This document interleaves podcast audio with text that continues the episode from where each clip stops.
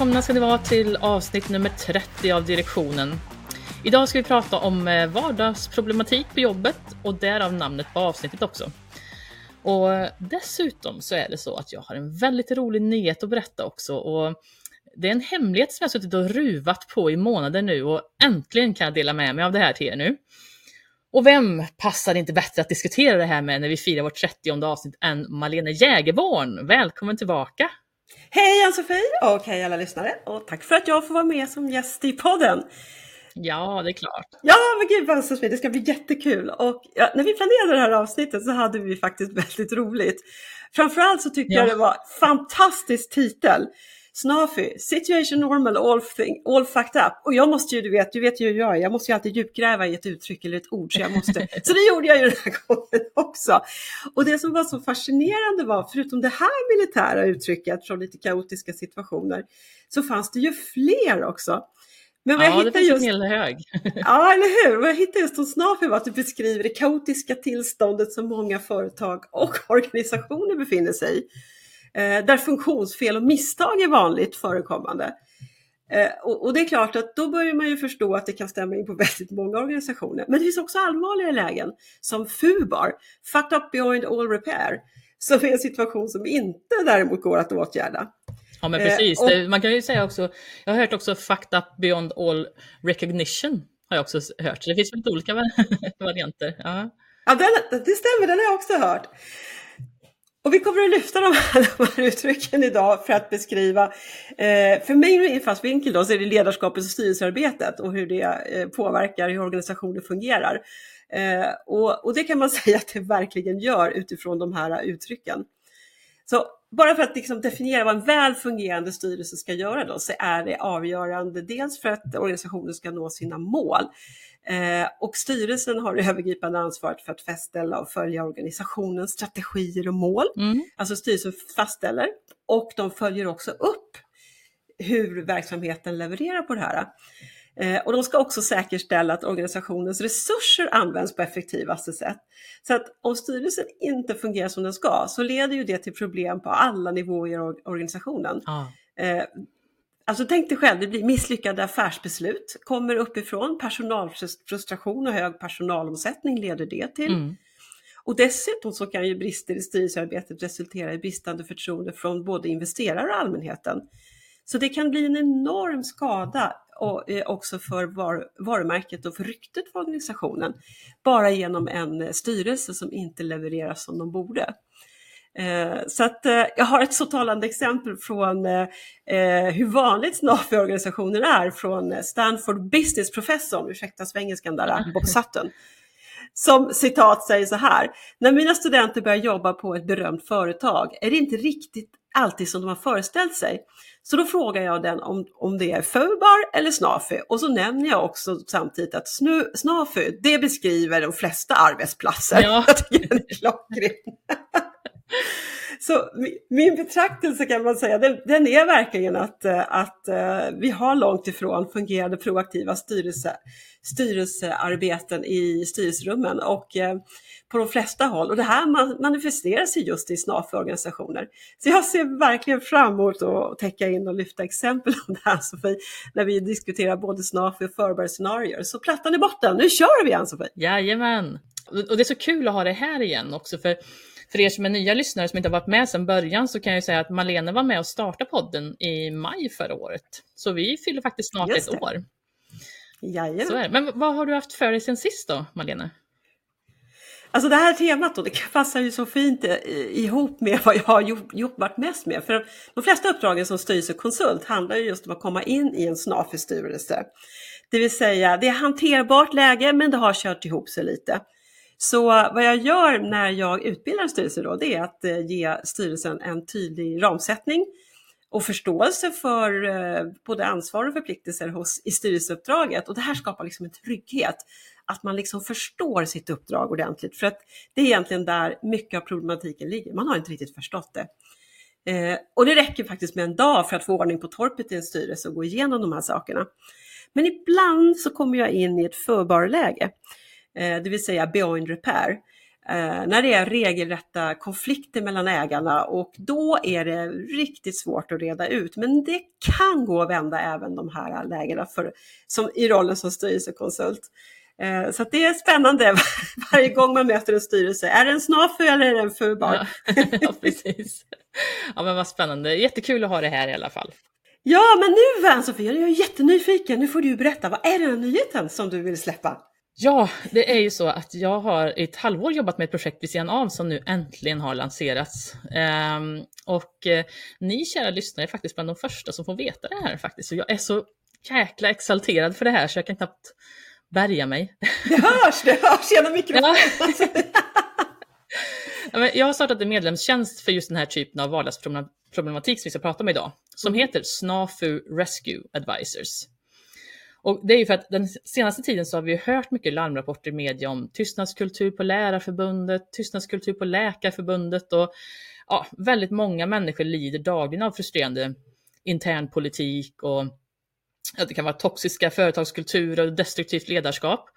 Och det är faktiskt hela 86 procent som uppger att dålig företagskultur har lett till konflikter på deras arbetsplats och 58 procent har lämnat eller överväger att lämna sin arbetsplats på grund av toxisk företagskultur. Mm. Och hur många gånger har man inte suttit på en middag och hört liksom ens vänner berätta skrämmande historier om psykopatliknande chefer, att man har en kollega som alltid sätter sig på tvären eller idiotiska beslut på jobbet som man tar hela tiden. Men, men vad händer sen efter det? Jo, det blir måndag man böjer huvudet och man går till jobbet och fortsätter jobba på och hoppas att det ska bli bättre. Mm. Vilket det sällan blir. Och är det så illa att ens tjänst kanske är i fara eller liknande, ja men då, då kanske man hör av sig till sitt fackförbund om man är ansluten till ett sånt. Men alla dessa vanliga fuck-ups i vardagen som inte är konkreta arbetsrättsliga fall, vem vänder du dig till då? Och vem engagerar sig i ditt problem då?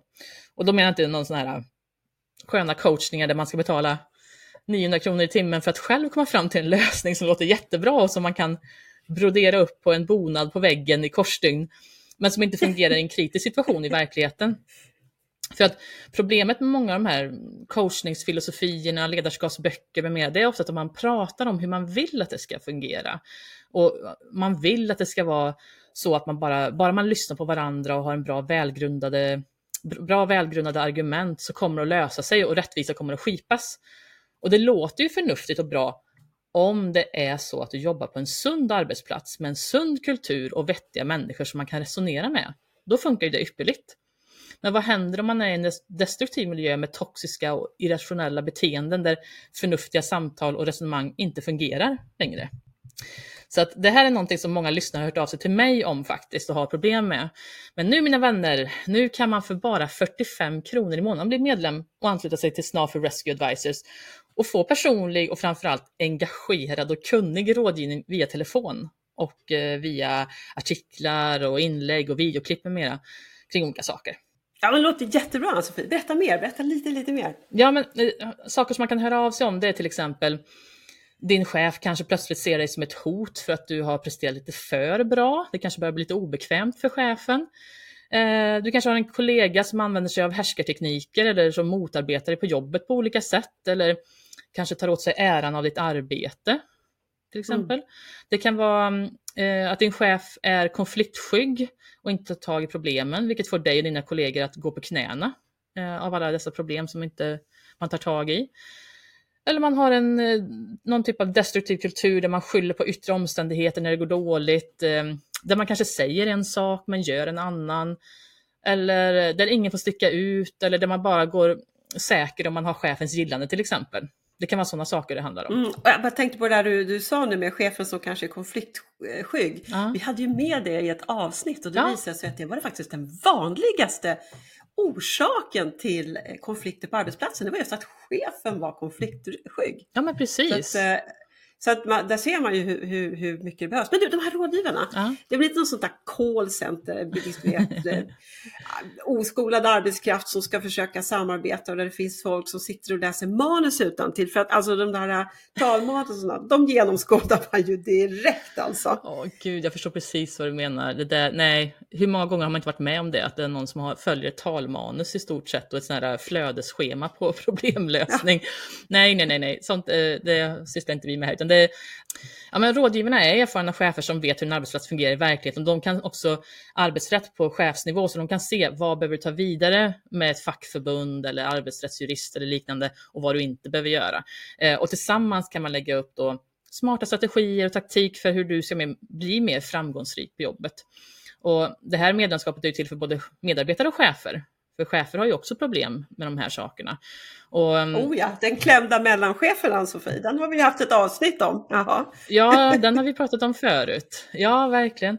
Så vi utgår från forskning, erfarenhet och kunskap kring människors beteenden. För det, det handlar ju, som vi vet, mindre om goda eller onda beteenden och snarare om mänskliga beteenden som de, som de flesta arbetsplatser faller offer för i olika utsträckning, så att säga. Så så är det. Så att vi, vi jobbar mycket med att vända frustration till inspiration. Och, alltså, du anar inte Malena vad roligt det är att hjälpa människor som ringer och kanske är sönderstressade och frustrerade och bävar inför ett möte med en viss person eh, som kanske håller på med härskartekniker och sådär. Och sen när vi har pratat lite grann och ja, men identifierat vissa nyckelfaktorer och, och tillsammans genomskådat den här jobbiga jäkens eh, strategi och, och ritat upp en plan för hur man ska agera nästa gång då, då märks det så på, på kunden, blir så glad och känner mer empowerment och, och känner mer, ja men nu ser jag fram emot det här mötet, det ska bli så kul att se vad den här personen tar till med för någonting nu, för nu är jag förberedd och kommer inte att gå i den här fällan eller gå på hans finter längre. Så det är en sån otroligt härlig känsla. För allt handlar ju om... Sluga strategier helt ja, enkelt. Ja, det är ju det. För allt handlar ju om att få folk att fungera ihop och prestera tillsammans. Eh, utan att man ska behöva dö av frustration på kuppen. Då. Ja, ja. och sen är det massa annat också. Man har tillgång till en kunskapsbank med massa artiklar och videoklipp som ger konkreta tips hur man identifierar och hanterar problem på jobbet. Eh, så du kan bara logga in och få tips på hur du får mer effektiva möten och bättre beslutsfattande och, och sånt. Allt eftersom problem dyker upp på jobbet. Så får man också 30 minuter gratis arbetsrättslig rådgivning via vår samarbetspartner som det ska vara så att man man kanske behöver lite mer djupare kunskap inom en viss fråga till exempel. Och eh, man kan faktiskt också som medlem hos oss teckna en riktigt bra inkomstförsäkring via vår samarbetspartner och få lite rabatt på det faktiskt. Så mm, det är också lite kul. Där, så det är så, därför jag är så engagerad just nu, för jag tycker det är så ja. roligt för att vi har haft så många lyssnare som har hört av sig med den här typen av problem och nu kan vi äntligen hjälpa dem och skicka dem någonstans där de kan få hjälp. Så det är kul. Ja, verkligen. Och, alltså det som du beskriver här och alla de här fuck-upsen, det är ju som sinnebild för, för SNAFU. Eh, och jag förstår ju verkligen att alltså ett utifrån perspektiv, konkreta råd, kunskapslyft, det kan ju verkligen hjälpa individer att reda ut funktionellt rörliga tillstånd. ja, I både på den egna, egna arbetsplatsen i företaget men också i personliga livet. För de påverkar ju ofta varandra också, de hänger ju ihop. Ja, de gör ju det. Och det, det är så många som har vardagsproblem som inte upplevs som så stora och dramatiska kanske, men som ändå får allvarliga konsekvenser. Man brukar kalla dem för mikrotrauman. Och man behöver ju faktiskt bli mer medveten om hur de påverkar mig som person men också företagsresultat. Alla de här små, små problemen liksom som bara, de är kanske inte är tillräckligt dramatiska för att man ska kasta sig över dem och lösa dem här och nu, men de gör enormt stor skada på sikt. Och du, jag tänkte, du har ju styrelseperspektivet där Malene. Ja, Hur kan precis. vardagsproblem där i styrelsen påverka resten av företaget och mig som medarbetare? Ibland får man känslan av liksom att en styrelse, i alla fall i vissa företag, så får man känslan av att styrelsen bara är en grupp gubbar med ett par kvinnor i kanske i bästa fall och som sitter och tar beslut bakom stängda dörrar och vi har ingen aning om vad de jobbar med eller vad de håller på med i stort sett. Absolut, det, det, det, är ju precis det här som är stora problemet. Det är för långt avstånd mellan styrelse och verksamhet och det funkar ja. inte längre när vi har en så snabbt föränderlig omvärld. Eh, och eh, man kallar det faktiskt för permakris, det vi befinner oss nu i, det vill Jaha. säga flera på varandra oberoende samhällskriser utan synbart slut. Det har fått en benämning, alltså i nya språket. De lanserar ju nyord varje år och permakris har, har kommit in som ett Det är det nya. Det är det nya, mm, ja. Så jag hört förut. Det, det, nej, precis, det låter, liksom, det, det, låter inte så roligt och det är inte det, men vi måste ju vara förberedda. Men jag skulle vilja dra till med en annan militär term som jag tyckte beskriver läget också i många styrelser. Eh, och det Feel ju... free säger jag. Ja, precis. Jag älskar ju militärstrategier och grejer, så det här är Helt och, rätt forum att dra upp sånt på. det här som vi har pratat om, det är också ett läger som sipprar rakt ner i verksamheten om det inte funkar i styrelserummen. Eh, och det leder ju till den här frustrationen då hos medarbetarna, både chefer och eh, medarbetare som inte har personalansvar, just som du så målande beskrev. Och det här ordet då som jag vill lyfta är clusterfucks. Eh, har en speciell, som har en speciell plats i just det offentliga livet, för det är skilt från komplikationer, kriser och katastrofer.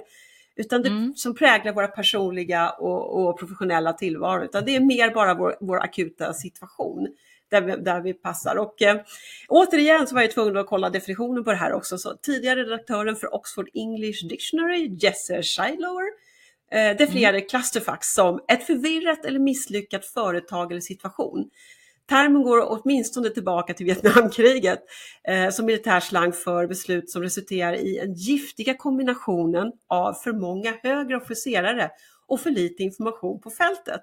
Och det här är just vad det handlar om. Alltså det sitter personer i styrelserummen som har för lite kunskaper och insikter om vad som sker i verksamheten och det är väldigt otydliga mål och visioner och strategier formulerat för, för medarbetarna. Mm. Eh, och, och, och, det är ju eh, ett ohållbart glapp i längden, framförallt nu när vi står inför så stora omvälvande förändringar. Eh, och jag tycker oh ja. att McKenzie har lyft en, en väldigt intressant undersökning i USA som genomlyser styr, styrelser där och eh, visar sig att det är bara 34 procent av styrelserna som förstår sina egna strategier.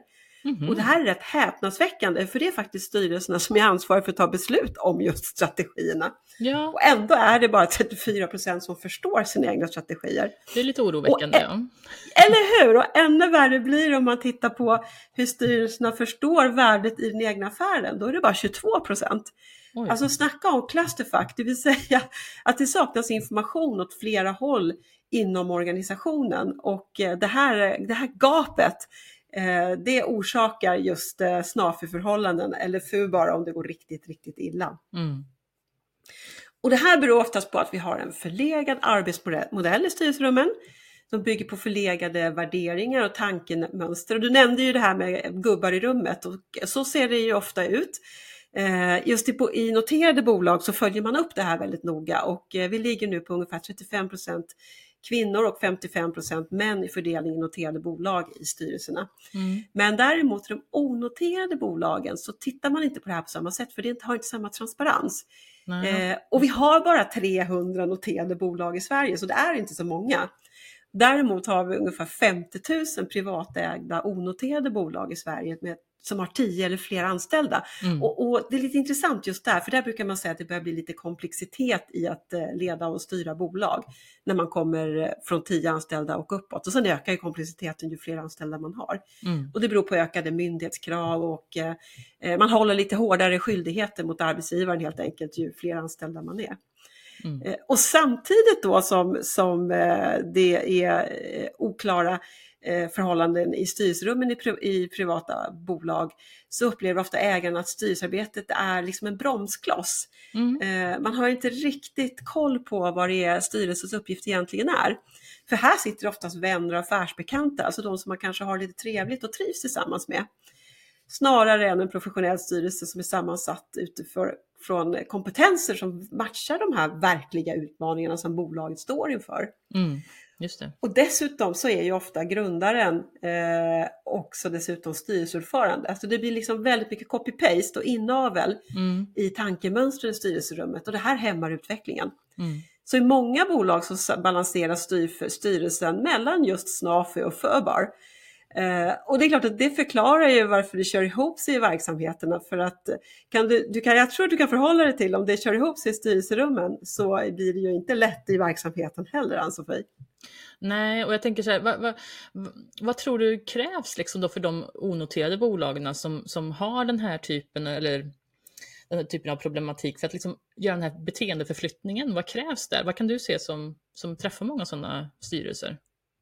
Ja, det är ju som i, i all form av beteendeförflyttning, för det är det det handlar om. Eh, det, det krävs kunskap helt enkelt och insikt. Mm. Man behöver förstå sitt uppdrag, man förstå, behöver förstå de nya förutsättningarna som finns och eh, att bygga laget utifrån kompetens och inte nödvändigtvis vilka man trivs tillsammans med. Mm. Eh, och med laget menar jag laget i styrelserummet. För att det blir inte bättre förutsättningar i verksamheten än vad som faktiskt skapas i styrelserummet.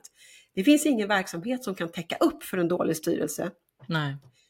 Och det här behöver man förstå i styrelsen, att det är faktiskt ett ansvar enligt lagen att bygga organisationen så att eh, företaget klarar de utmaningar man står inför. Mm. Ja, för jag, jag, jag, tycker en viktig sak att tänka på är ju att det är ju sällan de här stora problemen som, som har störst inverkan på resultatet i, i, i slutändan, utan det är de här små fuck-upsen, små problemen, små beteendekorrigeringar som skulle behöva göras för att det ska verkligen ska bli skillnad. Och jag tror att alla försöker åstadkomma något stort hela tiden och det är lätt att gå på de här lite mer större bitarna såklart för att de sticker ut och sådär. Men, men man försöker åstadkomma någonting stort hela tiden och göra stora förändringar utan att inse att livet består av små saker och små förändringar i vardagen, såväl inom företagsvärlden som privat egentligen. Så jag tycker när till exempel ett företag ska genomföra en stor förändring så man kanske behöver få ett starkare erbjudande eller man launchar en ny produkt eller vill få bättre kundservice eller vad det nu är, jobba mer effektivt och sådär. Då fokuserar man oftast alldeles för mycket på själva förändringen man ska göra, inte på de här små vardagsproblemen som redan finns, samt de här nya små problemen som riskerar att dyka upp längs vägen, vilket de ju alltid gör eh, när man gör förändringar. Jag håller verkligen med om det. Ofta så är det ju små förändringar och de måste börja i styrelserummen. Mm. Till exempel bara en sån enkel liten detalj som att styrelseordförande eller någon styrelseledamot tar sig ut i verksamheten och besöker verksamheten. Det är en mm. väldigt liten förändring men det kommer få enormt stor genomslagskraft. Mm. Och just det att, att styrelsen själv börjar att ta ansvar för sina beteenden och, och förändra sig, det kommer att leda den här förändringen vidare ner i, i organisationen också. Så det är ja, små saker som behövs. Ja, för att jag tycker det är lätt att tänka sig att det är små detaljer i sammanhanget. För här ska vi göra en stor investering på 150 miljoner nu utrustning och varför ska vi ta hänsyn till de här små detaljerna? Det, det får bara lösa sig längs vägen. Det är ofta så man tänker lite grann, ja. indirekt eller så. Ja. Men, men då, då börjar liksom vän av ordning hitta med pekfingret och man får liksom lust att förnumstigt säga liten tuva välter ofta hela lasset. men, men och, det, och förresten, det kan vara så att Laszlo på lagret är den där tuvan, watch and see. Det skulle för övrigt vara ett jättebra sätt att aldrig mer få ett konsultuppdrag på ett företag igen, för ingen vill höra om en massa tråkiga små detaljer när vi ska göra den här stora häftiga satsningen som alla tror på.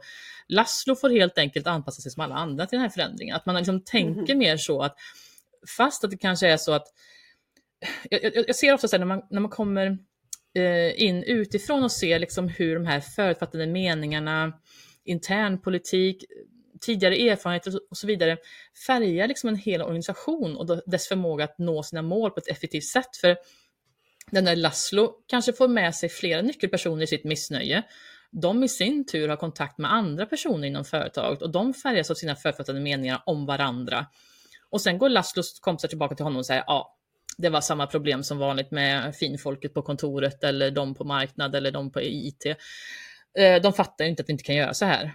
Och då skapar det också confirmation bias i gruppen och de andra personerna i processkedjan börjar inse att de där på laget verkar inte fatta hur viktigt det här är och hur stor den här satsningen är för våra kunder och bla bla bla. Så alla skapar sig liksom egna confirmation bias och plötsligt har man ett jättetrögt system eh, som rör sig genom hela, hela eller delar av företaget och gör liksom hela erbjudandet och processen till kunden trögrörlig och inte alls särskilt värdeskapande. Ja, det kanske, kanske till och med börjar, är personal som börjar motarbeta. Helt ja, det, det, kan det också vara. I, värsta fall ja, kan det bli så. Kund, kunderna börjar vika och kanske går till konkurrenter, men företag kommer då inte tänka, hmm, vi borde varit mer noga med de där eh, politiska spelen och hur det rent praktiskt skulle ha funkat på lagret. Laszlo hade rätt. Det är ju ingen som kommer att tänka så. Nej, Utan så man kommer med sannolikhet att, eh, att säga att de, det har med yttre faktorer att göra och, att, och sen lite klädsamt kanske lägga in att ja, vi kan förvisso bli bättre på att få ut leveranser i tid eller förbättra våra processer, men man menar egentligen inte konkret med det. Det är oftast någonting man säger lite grann för att liksom, det ska låta bra. Undermedvetet har man inom organisationen tagit till sig att det är eh, svåra tider eller att konkurrenterna har större marknadskonton än oss och vi kan inte rå för att det här händer. Det är bara yttre liksom, faktorer. Det kanske är komponentbrist eller kunskapsbrist eller allt har blivit dyrare med ökad inflation och allting. Men man fokuserar inte på det. Man kan göra tillräckligt mycket tycker jag, för de här små sakerna, de här små tuvorna som skälper de här, eh, alltså det, det är så små saker, men det handlar om att man måste vara intresserad och se de här och se vad de faktiskt får för konsekvenser i verkligheten sen för att de här stora satsningarna ska gå hem.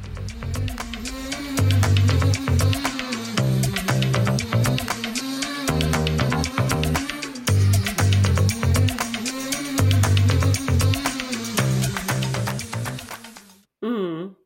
Mm. Och problemet återigen är det här clusterfuck då. Mm. Eh, brist på information Ja. eh, som i sin tur driver snafu, det vill säga kaos. Eh, som fungerar men det är kaotiskt. Eh, som kan eskalera till faber, det vill säga verklig kris beyond repair. Mm. Eh, och och det som, de som tar beslut om de här stora förändringarna då, eh, det är ju styrelsen. De är ansvariga för det. Eh, och, och de har allt för lite insyn i vad verksamheterna behöver för att klara en implementering. Eh, och det är då nya verktyg som ska börja användas, till nya processer som följer med nya verktyg, det är helt nya arbetsmönster. Mm. Och det här ska ju leda då till bestående beteendeförändringar hos eh, medarbetarna, alltså helt nya sätt att göra det vi gjorde tidigare. Mm. Det är ju själva transformationen när man har uppnått de här nya beteendeförändringarna. Och det, det har vi ju redan rapporterat om också i avsnittet om förändringsledning, hur sällan en strategisk implementering lyckas. Mm. Eh, Men jag tycker det är värt att upprepa, för Ja. det är verkligen ett så stort problem. Och det är väl inte så konstigt kanske heller att det blir så med tanke på att vi, det har varit sådana tider som har krävt stora förändringar och faktiskt krävs också yttre, det är yttre faktorer som har påverkat oss. Så det kan vara svårt att se vart går balansen mellan vad som faktiskt är yttre påverkan och vad som är inre påverkan. Eh, Det kan ju vara svårt att känna den balansen eftersom vi ändå har haft behov av digitalisering och allt vad det kan vara, nya lösningar och sånt där. Så det, det kan ju vara en av anledningarna till att det ser ut som det gör just nu. Ja, och vi står ju verkligen inför stora förändringsresor och transformationer och organisationer som är nödvändiga, som drivs på också bland annat som du nämnde av tekniken, den nya tekniken. Mm. Men KPMB då, de har i samarbete med, med eh, PBI undersökt 20 branscher i Sverige och så har de analyserat hur framgångsrika eh, bo, bolagen varit i att implementera sina nya strategier. Mm. Och det ser riktigt mörkt ut Ann-Sofie. Ja. Eh, bara, ja, bara drygt en av tio så kallade transformationer då lyckades eh, inom uppsatt tidsram och eh, budget. Och ungefär åtta av tio eh, misslyckades. Så det beror på att de här organisationerna de har saknat adekvata resurser att genomföra implementeringen. Mm. Med andra ord, styrelsen har, haft för lite, har inte haft någon aning om vad som behövs för att genomföra en lyckad strategisk im- implementering. Mm. Verkligen ett exempel på clusterfucks, hur det, hur det yttrar sig. Och det här kostar ju svenska bolag miljarder i misslyckade lanseringar. Ja men det är sånt slöseri. Och framförallt så mycket frustration bland medarbetarna.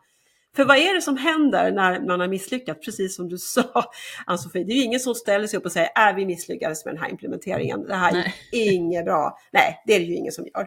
Och därför är det inte heller någon som liksom lär sig av det som har hänt och hur vi kan göra bättre. Nej, istället så tar man ju beslut om en ny strategi som på Ja. samma dåliga villkor åläggs eh, verksamheten att implementera och så misslyckas den med och så tröttar man ju ut personalen något oerhört i detta alltså. Oh ja. Och det, det, det, det, finns ju en del som, är, som kan faktiskt naturligtvis lära sig av sina misstag också, men det kräver ändå en hel del kritiskt analyserande och av naturen så vill väl vi människor inte så jättegärna kritiskt analysera oss själva och vår egen insats om vi kan undvika det så att säga. Men, så att, men, men det finns ju en del som är duktiga på det också, men det, det kräver ju det kräver ju verkligen en öppen kultur och en miljö för att man ska kunna våga ifrågasätta både sig själva och hela liksom teamet eller företagets insats i det här utan att man går på ömma tår. Ja, verkligen, verkligen. Och framförallt så behöver vi ju förstå så mycket som påverkar nu också Mm. bolagsstyrningen som aldrig har på samma gång så mycket eh, omvärldsfaktorer påverkat eh, hur, hur det kommer att se ut och framförallt hur snabbt utvecklingen går. Ja. Eh, så att man behöver verkligen en, en ögonöppnare för det här.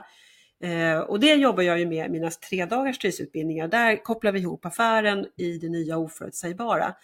Ja, och det. det. är ju just för att eh, lyfta liksom blicken i styrelserummet så att eh, man förstår vikten av att jobba strategiskt framåt nu. För det har aldrig Mm. varit så viktigt som just nu att ta de här kloka besluten. Trots att vi Mm. kanske inte kan ha alla beslutsunderlag, för så fort går det. Så som du Mm. säger, det krävs mod att ta de här besluten med långtgående effekter. Eh, och eh, vi behöver inte ändra målbilden men vi kanske måste justera på vägen. För eftersom mm. det händer så mycket runt omkring oss. Och just det där att justera på vägen, det förutsätter också att vi har en ganska agil organisation. Så de här gamla, vad ska vi säga, ja de är inte gamla men de är förlegade, ja. hierarkiska organisationsstilarna som faktiskt råder på de flesta verksamheter idag, i de flesta mm. organisationer. Mm. Det, det blir den verkliga bromsklossen mot vad som behöver hända för att följa utvecklingen och ligga i framkant. Ja men precis, och det, på samma sätt som, som företagen inte tänker på de här små detaljerna som bromsar framfarten och, och välter hela lasset så att säga, så, så är det ju samma sak på individnivå också. Man måste ju rannsaka sig själv som chef och ledare och medarbetare också. Så här, kunde jag ha gjort det här annorlunda? Kunde jag ha bidragit med mer information på något sätt så vi kunde ha undvikit det här resultatet och så. Men mm. Jag har tänkt på en annan sak när det gäller just det här mer, kanske mer på individnivå kopplat till eh, ja, misslyckanden eller svåra situationer och sånt där. Ett begrepp som jag har läst mycket om nu den senaste tiden då kopplat till eh, SNAFE Rescue Advisors, det är ju ett begrepp som jag tycker är något som man borde lära ut i skolorna nästan. Och det är Post Traumatic Growth. Eh, jag vet inte om du har hört talas om det? Nej, berätta! Det, det är liksom förmågan att lära sig hantera och återhämta sig från arbetsrelaterade trauman genom att man förstår vem man är, hur omgivningen funkar och hur världen ter sig egentligen i förhållande till mig själv och hur jag ska hantera allt som händer i mitt liv egentligen.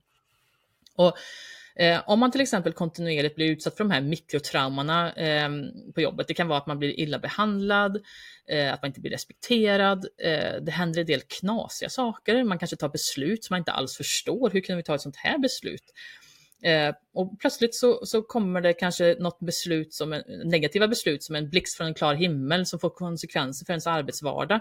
Eh, det kan vara att man till exempel, nu ska vi göra en omorganisation och så, det kommer från ingenstans. Och så, allt det där är olika typer av mikrotrauman. Då. Och det kan med tiden börja leda till att man börjar ifrågasätta sig själv och sin omvärld.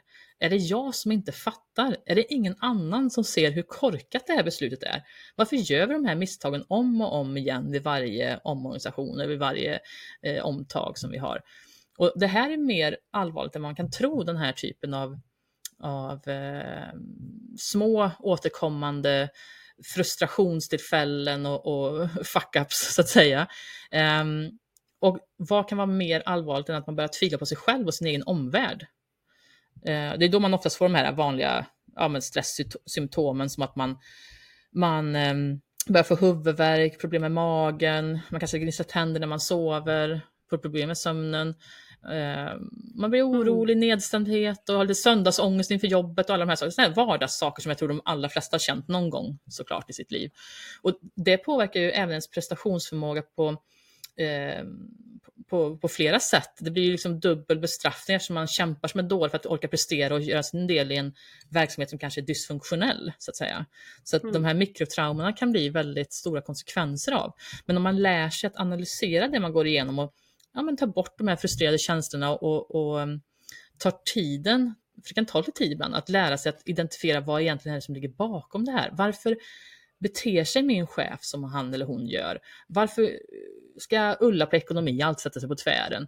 Ja, men då kan man istället se vilka möjligheter och hinder som finns runt dig och du kan göra en smart plan för hur du ska göra istället för att vara ett offer för omständigheterna och bara vara reaktiv på det som händer. För, ja, men, står du mitt i ett krig till exempel och det är kaos och skottlossning och risk för livet, då är det väldigt svårt att se vad som händer och vad man ska göra vad som är nästa steg, vilka möjligheter som finns, hur man ska vinna den här situationen och sådär. För man kämpar ju för glatta livet och försöker möta deadlines och krav och allt vad det nu är som man går igenom på en arbetsplats. Liksom. Och de flesta som är på en mm. dålig arbetsplats och som vet hur jobbigt det är att, att liksom ta ork och energi till att söka nya jobb när man väl kommer hem efter en lång arbetsdag, då vet vi precis vad jag menar. För att det är tufft när man är på en sån här arbetsplats och, mm, mm. och, och hela tiden kämpa för att bara orka med vardagen. Så därför måste man ju liksom ta den här generalens position, där man står på den här höga klippan och ser ut över slagfältet och får det övergripande perspektivet och ser man måste egentligen bli generalen i sitt eget liv helt enkelt. Mm. Man måste göra en bedömning av situationen. Kommer min destruktiva chef att gå i pension snart? Kan jag härda ut tills dess? Ehm, stöds den här typen av toxiska beteenden av ledningen? Och är det så utbrett att det inte går att vända på inom rimlig tid? Ja, men alla sådana här saker, det, det, det är sånt som, som som man behöver titta på och jobba med. Och det gör vi på Snart för Rescue Advisors också. Vi är liksom medlemmarnas war office kan man säga. Vi vänder ja. den här frustrationen till inspiration och ser till att man har verktyg för att hantera det här. För att det är så viktigt. Och, ehm, ja, men du, Malene, du vet väl själv hur många av dina vänner har sagt till dig att de har en dålig chef som tar dåliga beslut när ni sitter och har en middag till exempel och sitter och snackar eller att man har en tystnadskultur på jobbet. Det är ju otroligt vanligt, eller hur? Ja, jag tror inte att jag möter någon idag som inte säger någonting liknande faktiskt. Ja. Alltså rent eh, sociala sammankomster. Eh, faktiskt. Det, det är, ja, jag skulle bli oerhört förvånad om någon kom och, sa, och berättade att äh, jag har en sån himla bra arbetsgivare, vi stortrivs eh, och så vidare. Eh, faktiskt, nu i skrivandes eller pratande stund kom jag på en, en mm. faktiskt som ja. har sagt just precis så. Ja men det är väl underbart att höra. Att ja, det var jag hitta en bra matchning liksom. Det är jättebra. Men jag tror att vi måste förstå de här vardagstrauman och vardagsfrustrationerna, att de är minst lika skadliga för oss som enstaka större trauman. Kanske också ännu värre egentligen, för att vi inser inte ens att de är trauman. För de har blivit en del av vår vardag. Det är så här vi accepterar att vardagslivet ser ut. Så att ja. Post-traumatic growth är alltså någonting man kan uppnå när man har varit i jobbiga situationer, man har mött på orättvisor och så vidare, men man har gått vinnande ur situationen, man har fått stöd och förståelse för vad som faktiskt hände. Vilket gör att man är starkare och mer resilient än innan och man vet nu att organisationer och människor kan agera helt irrationellt och orättvist. Men om det skulle hända igen så vet jag precis hur jag ska hantera det. Och den typen av självförtroende är enormt viktigt för att bearbeta eh, stress och, och, sånt när det väl uppkommer en liknande situation igen. Och framförallt så blir det ju också så att eh, man får ju så jäkla bra tentakler så att man kommer kunna nosa sig till en dålig företagskultur redan när man kliver in i receptionen på ett nytt företag när man söker jobb. Så att risken för att man väljer att stanna för länge hos en arbets dålig arbetsgivare eller dålig miljö är ju mycket mindre också när man gått igenom en sån här sak och lärt sig av den och fått den här post traumatic growth. Så, så jag tycker det är ett jättespännande begrepp. Ja, verkligen, och du har rätt i det. Man lär sig ju snabbt att läsa av tecknen när man har åkt på det där någon gång. Alltså. Det, det, det, det gör man. Så att på det sättet är det lite positivt, men det, är ju fruktansvärt att det är så vanligt som du och jag möter också. Och jag gillar det här uttrycket post-traumatic growth, för det påminner väldigt mycket när jag går in som rådgivare, mentor, coach för VD i svåra situationer. Mm. För absolut så kan också en VD vara väldigt klämd Eh, så, och ja. Det var till exempel en ägarkonflikt mm. eh, som orsakar en dysfunktionell styrelse och som vd är man helt utlämnad. Det, alltså styrelsen kan ju ta beslut om att vd får gå på dagen. Ja. Eh, men inte bara klämd mellan ägarna utan också med medarbetare och kunder och finansiärer som har förväntningar. Ja. Så det kan vara ett oerhört verk, ensamt och utsatt jobb. Eh, vi kan verkligen tala om vd som den klämda mellanchefen om eh, styrelsen är, inte fungerar som, som den borde och stötta vd ja. i, så att säga. Det är ju mänskliga eh, beteenden, ingen går fri för mänskliga beteenden, så är det bara. Liksom. Ja, ja, ja, absolut. Eh, och det här är också ett exempel på ett riktigt dåligt läge som kan manifestera sig genom att vd driver vidare då ett ohållbart ledarskap nere i verksamheten. Mm. Och jag mötte nyligen en organisation eh, på tal om vad det kan innebära då om eh, vd inte heller kanske gör sitt jobb eh, som vd borde göra. Jag mötte som sagt en organisation, de lever på projektexpertis, mm. alltså ren kunskapsbaserad affär. Eh, och de har idag en personalomsättning på mellan 40 och 45 procent. Det är ju Oj. hiskliga, ja, så att, ja, det, ja, det, det är inte, och de är ungefär 50 anställda. Mm. Eh, och kulturen är präglad av trakasserier från, håll i det nu Ann-Sofie, men från högsta verksamhetschefen, alltså från VD. Ja.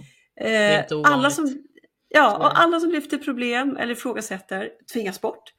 Eh, och så vid en fråga då till styrelseledamot, hur styrelsen ställer sig till detta, så svarar vederbörande, det där är en verksamhetsfråga, det är inte styrelsens sak att ta i. Mm, okay. ja, och det här är ju ett direkt fel. Alltså det är ju ett direkt fel i hanteringen för att eh, alltså lagen är väldigt tydlig. Det är styrelsen som har det högsta ansvaret för organisationen, personalens mående och arbetsmiljön. Ja. Så här har ju styrelsen överhuvudtaget inte förstått sitt uppdrag. Nej. Så det är verkligen exempel på ett eh, clusterfuck som har varit en snafu men som faktiskt nu har övergått i en fucked up beyond all repair situation på den ja. verksamheten. Så det är jättetragiskt. Ja, verkligen. Och jag brukar kalla den typen av organisation brukar jag kalla för, eller den typen av kultur brukar jag kalla för den allsmäktige ledarkulturen, brukar jag kalla den för. Mm, när mm, när mm. Eh, det är oftast då VDs eh, mm. åsikter som gäller, det är my way or the highway och då blir det oftast väldigt, dels svårt att veta vad, för, vad som gäller och, och, eh, vad som är en god insats och inte, för man kan lika gärna gå på en öm tå om man inte aktar sig liksom och då brukar det bli väldigt hög om personalomsättning och mm. oroligt i lederna och man vet att det är bara vdns gillande som eh, och det kan vara ganska flyktigt och det kan vara ganska eh, svårt att, att, veta vad egentligen är det som, som gäller eller inte. Man kanske säger en sak, så här ska vi agera, så här är våra värderingar, så här är våra processer. Men så agerar folk på helt andra sätt och blir eh, belönade eller får en särställ, positiv särställning på grund mm. av att de bryter mot mm. reglerna, då är det jättesvårt. Och, och, så den där allsmäktiga ledarkulturen, den är lite läskig. Eh, den, är o, den är fullkomligt ohållbar. Naturligtvis. Ja. Men du eh, Malena, tiden springer iväg när man har roligt. Yes! Ja. det är dags att börja runda av. Har du några avslutande kommentarer kring det vi har pratat om idag, sådär, som du vill skicka med? Ja, visst, äh, för, er, för alla lyssnare som skulle vilja förstå utmaningar och undvika dilemman i styrelseuppdraget och framförallt hur man ens äh, undviker att hamna i SNAF och förbar i styrelserummet och vidare organisationen så hittar ni mig som person på LinkedIn men även som alias styrelsekonsulten både på LinkedIn och Instagram. Mm. Äh, och jag jobbar alltså med uppdrag för att utbilda styrelser där det har gått snett och tro mig, det är mycket vanligt. Men även för er som är lite förutseende och vill skapa en sund bolagsstyrning redan innan det uppstått ja, svårigheter. Ja, det får vi inte glömma bort. exakt, man kan ju vara klok på förhand också. Eh, och även om du som är utsett i vd-rollen eh, så har du kommit rätt. Jag är själv som vd upplevt det mesta man kan, man kan råka ut för som kan gå snett eh, och mm. stöttar där med vd i svåra situationer. Det kan vara så mycket ibland mot ägarna och mot styrelsen också som vd behöver just rådgivning och stöttning. Eh, och det är märkligt ändå att verkligheten den liksom överträffar alltid dikten i hur illa det ser ut. Mm. Eh, och jag skulle bara, Ann-Sofie, avslutningsvis vilja citera det, återigen den gode Stanford business-professorn Bob Sutton mm. med orden Människor fattar bättre beslut när de tittar framåt och föreställer sig att de redan har misslyckats. Och sedan återberättar historien om vad som hände. Med bättre planering kommer det inte vara en historia som behöver censureras. Jag tycker det ligger mycket i de orden. ja men verkligen. Ja, det, var ja, det, var, det var en bra perspektiv på det. Um, det, för det sa du verkligen någonting. Det, det, här med rädslan för att misslyckas, det, är, ja. det tycker jag det är otroligt laddat och väldigt vanligt. Och det skulle jag kunna prata hur länge som helst, men jag tror vi har gjort det i någon tidigare avsnitt också. Men mm. jag tror tyvärr att den här känslan av att misslyckas förstör så himla mycket för oss. För det, som jag sagt, det blir så otroligt laddat med motgångar att man kanske inte vill erkänna något riktigt för sig själv ens. Och för om man, om man inte når de här målen som man satt upp, om man inte blir lyssnad till eller inte blir respekterad på arbetsplatsen, om man inte får löneförhöjning eller tillåts avancera på jobbet, eller så här, då är man misslyckad då? Eller vad, liksom en stark och trygg person kanske säger nej för tusan, det kan, det kan ju ha med andra yttre faktorer att göra också. Men en person som normalt sett kanske är trygg och stabil person, den bryts ju förvånansvärt snabbt ner i en destruktiv kultur och kan därför tappa hoppet, få en svacka och kanske till och med tappa tron på sig själv och känna sig misslyckad. Och då blir de här situationerna som vi har pratat om, de här små vardagsmisslyckandena, det är svårt att ta till sig av dem, man kanske mår väldigt dåligt av dem, det blir inte det här kreativa lösningsfokuserade tänket utan det blir man kanske undviker så länge man kan eller hoppas att inte någon ska märka det runt omkring oss. Ja, också den vanligaste liksom arbetsorganisationsstilen då som ju är den här hierarkiska, där bygger ju allt på kontroll. Ja. Så det finns ju en inbyggd rädsla i ett kontrollsystem givetvis. Ja, det men vi liksom vet ju också tillåts att... inte. Men mycket av all innovationskraft och, och, och, kreativa lösningar kommer ju från att man har misslyckats någonstans. Så att eh, man önskar verkligen att det här eh, laddningen, men det var ett bra sätt att kanske då minska laddningen kring misslyckande eh, som han hade faktiskt där. Precis, och eh, föreställa som redan har hänt och sen återberätta historien. Ja, ja verkligen. Det är faktiskt inte alls dumt. Det, ska jag ta med mig, det var ett bra tips. Ja. ja. Och eh, ja men vad bra, men då ska vi ta och avrunda och eh, ni som är intresserade av Snafu Rescue Advisor ska naturligtvis gå in på snafura.se Eh, jag kan lägga ut lite länkar på sociala medier så att ni har det där. Eh, så gå gärna in och titta och se lite grann vad vi har för, för smarta tips och strategier. Och stort tack till Malena Jägerborn. Vad kul att du kom tillbaka och gästade oss igen. Och tack till alla lyssnare som troget följer oss varje vecka. Nästa avsnitt så kommer en ny spännande gäst som kommer att prata om toxiska ledare. Det ni, det får ni inte missa. Så vi hörs igen om två veckor. Ha det så gott. Hej då! Ha det bra. Hej då. Tack allihopa.